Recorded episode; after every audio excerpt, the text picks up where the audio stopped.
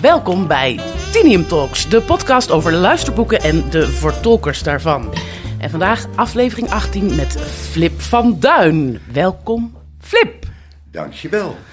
Eh jij hebt eh, zo'n beetje al het werk van je moeder ingelezen, Annie M.G. Schmid. Ja, dat staat nu allemaal op de gevoelige, allemaal op, ja. gevoelige plaat. Ja. En hoe is dat eh, om dat voor te lezen? Dat is enig werk om te doen. Vertel eens. Nou ja, ik ken het werk van mijn moeder vrij aardig. Ja. Ik eh, beheer haar nalatenschap.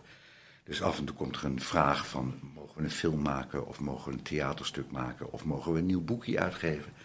En dan ga ik het weer lezen en denk ik, Ja. oh wat is dit toch leuk, wat is het nog fris en sprankelend en mooi. Het blijft ook mijn lievelings. Oh ja. Ja, zeker wel. Vind ik heel, Ja. vind ik heel fijn om te horen. Zullen we een eh, klein spikkeltje beginnetje luisteren? Ja. Spikkeltje.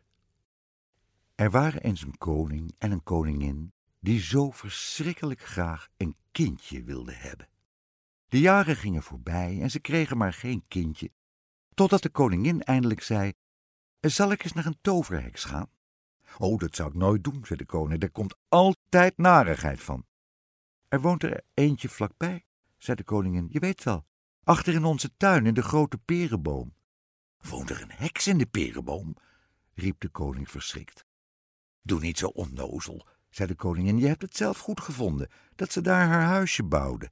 Op zo'n dikke tak, bovenin, je weet wel. Ze heet Akkeba. Oh ja, zei de koning, dat mens dat zo hard op haar bezemsteel door de lucht jaagt. Wou je heus aan haar vragen of... Maar de koningin was al weg. Ze liep de tuin in, ging onder aan de perenboom staan en riep... Akkeba, er kwam een oud, warrig heksenhoofd tussen de peren doorgluren. Wie wou daar wat? vroeg het hoofd. Ik ben het, zei de koningin. Ik wou zo graag een kindje. Kom een beetje hoger, ik versta je niet, schreeuwde de heks. Toen klom de koningin tot boven in de perenboom, tot vlak bij het huisje dat daar tussen de takken was gebouwd, en ze herhaalde haar vraag. Zo, zo, prevelde de heks. Een kindje. Hmm, wel, eens even kijken. Hier, zei ze toen, en gaf de koningin een eitje. Een klein, gespikkeld eitje. Wat moet ik daarmee? vroeg de koningin. Uitbroeden natuurlijk, zei de heks. Wat anders? Het is een lijsterei. Ga er drie weken op zitten en broed het uit. Maar, zei de koningin met bevende stem, wordt het dan niet een vogeltje? Helemaal niet, zei de heks. Het wordt een prinsesje met alles erop en eraan. En eh, waar moet ik dat doen? Waar moet ik dat ei uitbroeden? vroeg de koningin. In die boom hiernaast, zei Akkeba, in die oude lindeboom. Ik wil het eerst aan mijn gemaal vragen, zei de koningin, en klom met het ei naar beneden. Maar denk erom, riep de heks haar achterna, denk erom dat je je dochter in het najaar altijd binnenhoudt, anders vliegt ze weg met de trekvogels. De koningin bedankte de heks en ging naar het paleis terug. Moet ik het doen? vroeg ze aan de koning. Ik, ik zie er een beetje tegenop. En dan een koningin die zit te broeden in een boom. Is dat wel zoals het hoort? Helemaal niet zoals het hoort, zei de koning. Ik keur het af. Maar ik wil het toch, zei de koningin. Dat was Leuk. een fragment van Spikkeltje uit allemaal sprookjes. En natuurlijk ook uit het beest met de achternaam. Wat is jouw lievelingssprookje van je moeder? Hé, nou, nou overval je me met een iets, Ja. dat weet ik niet meer. 1, 2, 3. Eh, Mag ik ook een, een je mag, je mag, nou zeker. Ik, eh, Minhoes is mijn dat is jouw grootste lievelings. Dat is mijn grote lievelingsboek, want dat vind ik zo'n goed verhaal. Ja, Een vrouw eh, eh, die, die ineens bij een journalist op bezoek komt. En ze is vroeger kat geweest, maar ze is veranderd in een, in een, in een jonge vrouw. Maar omdat ze kat is geweest, kan ze nog steeds met katten praten. ja. En dan wordt ze een soort van spion in dat plaatsje waar het zich allemaal afspeelt. En daar komt ze dus allemaal achter nieuwtjes eh, eh, aan. Eh, ko- komt ze achter nieuwtjes van allemaal dingen die in dit stadje gebeuren. En dat is heel goed voor die journalist, want die is verlegen. En een journalist moet niet verlegen zijn. Maar dankzij Minous, de vrouw die vroeger kat is geweest, komt je heel veel te weten. En dan wordt het heel spannend. Ja. Allemaal luisteren. Ja. gisteren opeens een ander boek gelezen. Ja, dat was wel even een overgang. Ja, zeg. vertel eens. Nou, de, de, de Moom in Vallei, dat is een 75 jaar oud verhaal van Tove Jansson. Ja. Ik heb ooit het eh, zomerboek van Tove Jansson gelezen. Dat Ja. is een heel mooi boek. Prachtig. Van een grootmoeder die haar kind, kleinkind opvoedt en daar commentaar op geeft. Maar ehm, de Momin Mama die heeft eh, een eh, grote tas vol warme sokken en buikpijnpoeder. Daar kun je toch maar mooi mee behept zijn. Vind Ja, nee, tuurlijk, die moeder is heerlijk. Ja. En die maakt zich nergens druk om. En Nee. die, die is heel veilig en vertrouwd en zacht. Op de plekken waar moeders zacht moeten zijn. Kijk, dat zijn toch de betere moeders. Ja.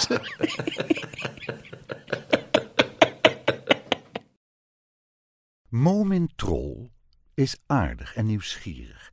Hij gaat graag op avontuur, zeker als zijn vrienden er ook bij zijn. Als het avontuur te eng wordt, kan hij altijd terug naar zijn Momin Mama. Momin Mama is zacht waar ze zacht moet zijn en heeft een handtas vol droge wollen sokken, buikpijnpoeder en snoepjes. Ze raakt nergens door van slag en bezorgt elk wezentje in de Mominvallei een slaapplaats, als dat nodig is. Momin Papa is heel bereisd, zegt hij in elk geval zelf. Vaak verlangt hij naar wilde avonturen, zoals hij die beleefde toen hij nog jong was. Dan gaat hij naar zijn kamer om aan zijn memoires te schrijven, een dik boek over al zijn dolle streken. Snuisterik komt en gaat zoals het hem uitkomt, met zijn tent en zijn harmonica als zijn enige bezit. Hij hoeft geen spullen te hebben en houdt boven alles van zijn vrijheid. Elk najaar trekt hij naar het zuiden, maar op de eerste dag van de lente keert hij altijd terug naar zijn vrienden in de Mominvallei. Kleine Mie is klein, zoals haar naam al zegt. Zo klein zelfs dat ze zich met gemak in Momin Mama's werkmandje kan verstoppen. Kleine Mie is nergens bang voor en reageert op gevaar precies zoals ze reageert op mensen in het algemeen: door te bijten. Snif is snel bang en een beetje verwaand, maar hij heeft het hart wel op de juiste plaats. Hij droomt van kostbare dingen, zoals goud en juwelen. Het snorkmeisje houdt van alles wat net zo mooi is als zijzelf. Ze is slim en vindingrijk, maar wat haar betreft zou het leven in de Mominvallei best wat grootser en meeslepender mogen zijn. En eh, nou heb je vandaag eh, een boekje wat weer opnieuw uitkomt met nieuwe tekeningen Ja, gelezen. Tekeningen van Noelle Smit. ja prachtig. Eh, dat is een oud boekje van, oud verhaal van mijn moeder. Eh, het heet de, eh, eh, de heerlijkste 5 december in 574 jaar. Ja. En het gaat erover dat eh, Sinterklaas en Piet schipbreuk lijden. En het is allemaal heel spannend. Daar zitten we weer, zei Sint. Zegt u dat wel, zei Piet. Op de stoomboot naar Nederland, net als ieder jaar. Voor de hoeveelste keer is dat nou, Sinterklaas? Voor de 574ste keer, zei de Sint. Bah, zei Piet. Wat nou bah, zei Sinterklaas verontwaardigd. Waarom bah? Ik heb er zo genoeg van, zei Piet. Maar je houdt toch van de kinderen? En de kinderen houden toch van ons? Wel nee, zei Piet. Ze houden alleen van onze cadeautjes. Het gaat ze enkel om de pakjes, verder nergens om. En het gaat nog stormen ook. Bah! Wie kent mijn moeder nou nog? Nou, eh, nee, Tove hallo. Jansson. Tove Jansson, dat, dat is Daar moet je mee eh, door het land. Met pianobegeleiding. Met pianobegeleiding. Ja, Ja, ja. iets Ja, Chopins. ja, het, mom, het Momin-akkoord. Het Momin-akkoord.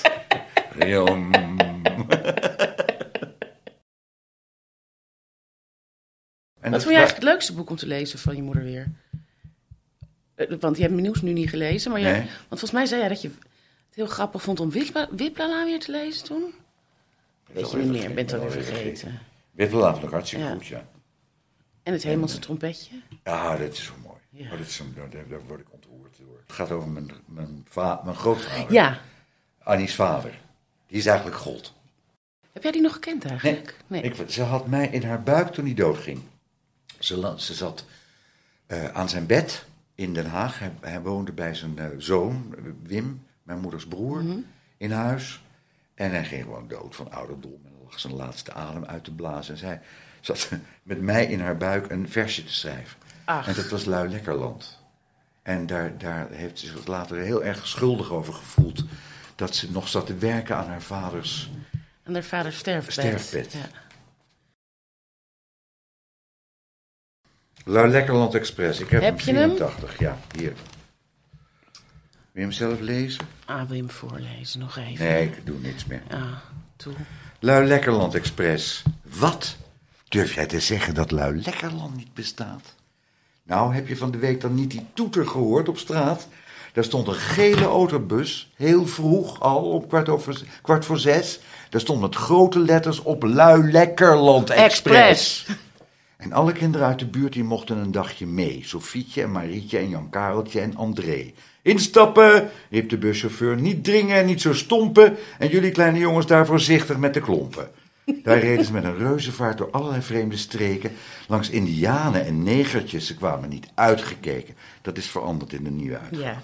Wat hebben ze daarvan gemaakt? Eh, weet ik Weet niet zo snel, oké, maar ik ga ja. even door. Ja. En eindelijk, wat was dat daar, die witte heuvel? Mens, daar lag de rijste Breiberg zomaar midden op de grens. Er kwam al een douaneman met zuurtjes op zijn pet. Echt iemand uit Lui- Luilekkerland, zo mollig en rond en vet. Wel, zei hij, Jan en Klaas en hoe je allemaal mag heten... je zult je door die berg van rijste brei heen moeten eten... Daar schrokken alle kinderen van, zo'n hele grote berg. En alsmaar rijst en nog eens rijst, ah, jakkers, dat was erg. Het moet, zei de douaneman, maar de chauffeur zei, nee, blijf allemaal maar zitten hoor, ik rijd er wel doorheen. ploem, ploem, daar ging de bus erdoor, roem, roem, zo ging de motor. De rijst kwam door de raampjes heen met grote klonters boter. Maar heus, ze kwamen er doorheen, die auto, de autobus hield stop. Ze stonden op de grote weg, gemaakt van veterdrop. En alle huizen waren van amandeltjes chocola. De modder op de straten was van bitterkoekjesvla. De grachten waren allemaal bedekt met choco-ijs. Daar kon je schaatsen als je niet te moe was van de reis. De school was helemaal met boterkussentjes gevuld. Zo hebben daar de kindertjes de hele dag gesmuld. Maar toen de bus weer weg zou rijden, jongen, wat een schrik. Drie kindjes konden er niet meer in, ze waren veel te dik. En zijn ze alle drie maar in Luilekkerland gebleven? Jazeker, maar ze hebben wel een brief naar huis geschreven. Dag mam, we eten noga-ijs uit hele grote schalen. En als je ons terug wilt hebben, kom ons dan maar halen. nou, dat zat ze dus te schrijven. te. Terwijl haar vader de laatste adem uitblies toen klaar was, was hij dood. Het is wat. Uh, Work must go on. The show must go Zo on. is het wel. Ja. En jij zat eh, gebakken te worden toen. Ik zat gebakken te worden in de oven. dus nee, eh, antwoord. Ik heb je, mijn grootvader niet. Nee. gekend. En zou jij voor mij misschien mijn lievelingsgedichtje voor willen lezen? Welk is dat dan? Dat zijn de ottertjes. Ah, de ottertjes. De ottertjes. Met veel plezier lees ik jou Dat vind ik fijn. Voor jou speciaal. Dank je wel. Drie oude ottertjes. Drie oude ottertjes wilden gaan varen over de Zimzom, over de Zaan. Eigenlijk wilden ze dat al sinds jaren, maar om het feit dat ze ottertjes waren, hadden ze het nooit gedaan. Want daar hing een bordje op alle bottertjes, verboden voor ottertjes. Drie oude ottertjes stonden te schreien daar bij de Zimzom, daar bij de Zaan. Stonden te schreien op het land en ze zeiden, dan gaan we maar met het spoortreintje rijden, dat zal wel beter gaan. Maar daar hing een bordje op elke coupé, ottertjes mogen niet mee. Drie oude ottertjes stonden te turen over de Zimzom, over de Zaan. Daar, op een weilandje, tussen twee schuren, daar was een vent waar je fietsen kon huren. Fietsen, met vaantjes eraan. En daar hing een bordje op iedere fiets. Ottertjes mogen voor niets. Nu rijden die ottertjes over de brug, over de brug en weer terug. Dank je wel. Alsjeblieft. Zullen we dan nu maar een glaasje limonade gaan drinken? Dat lijkt me heerlijk.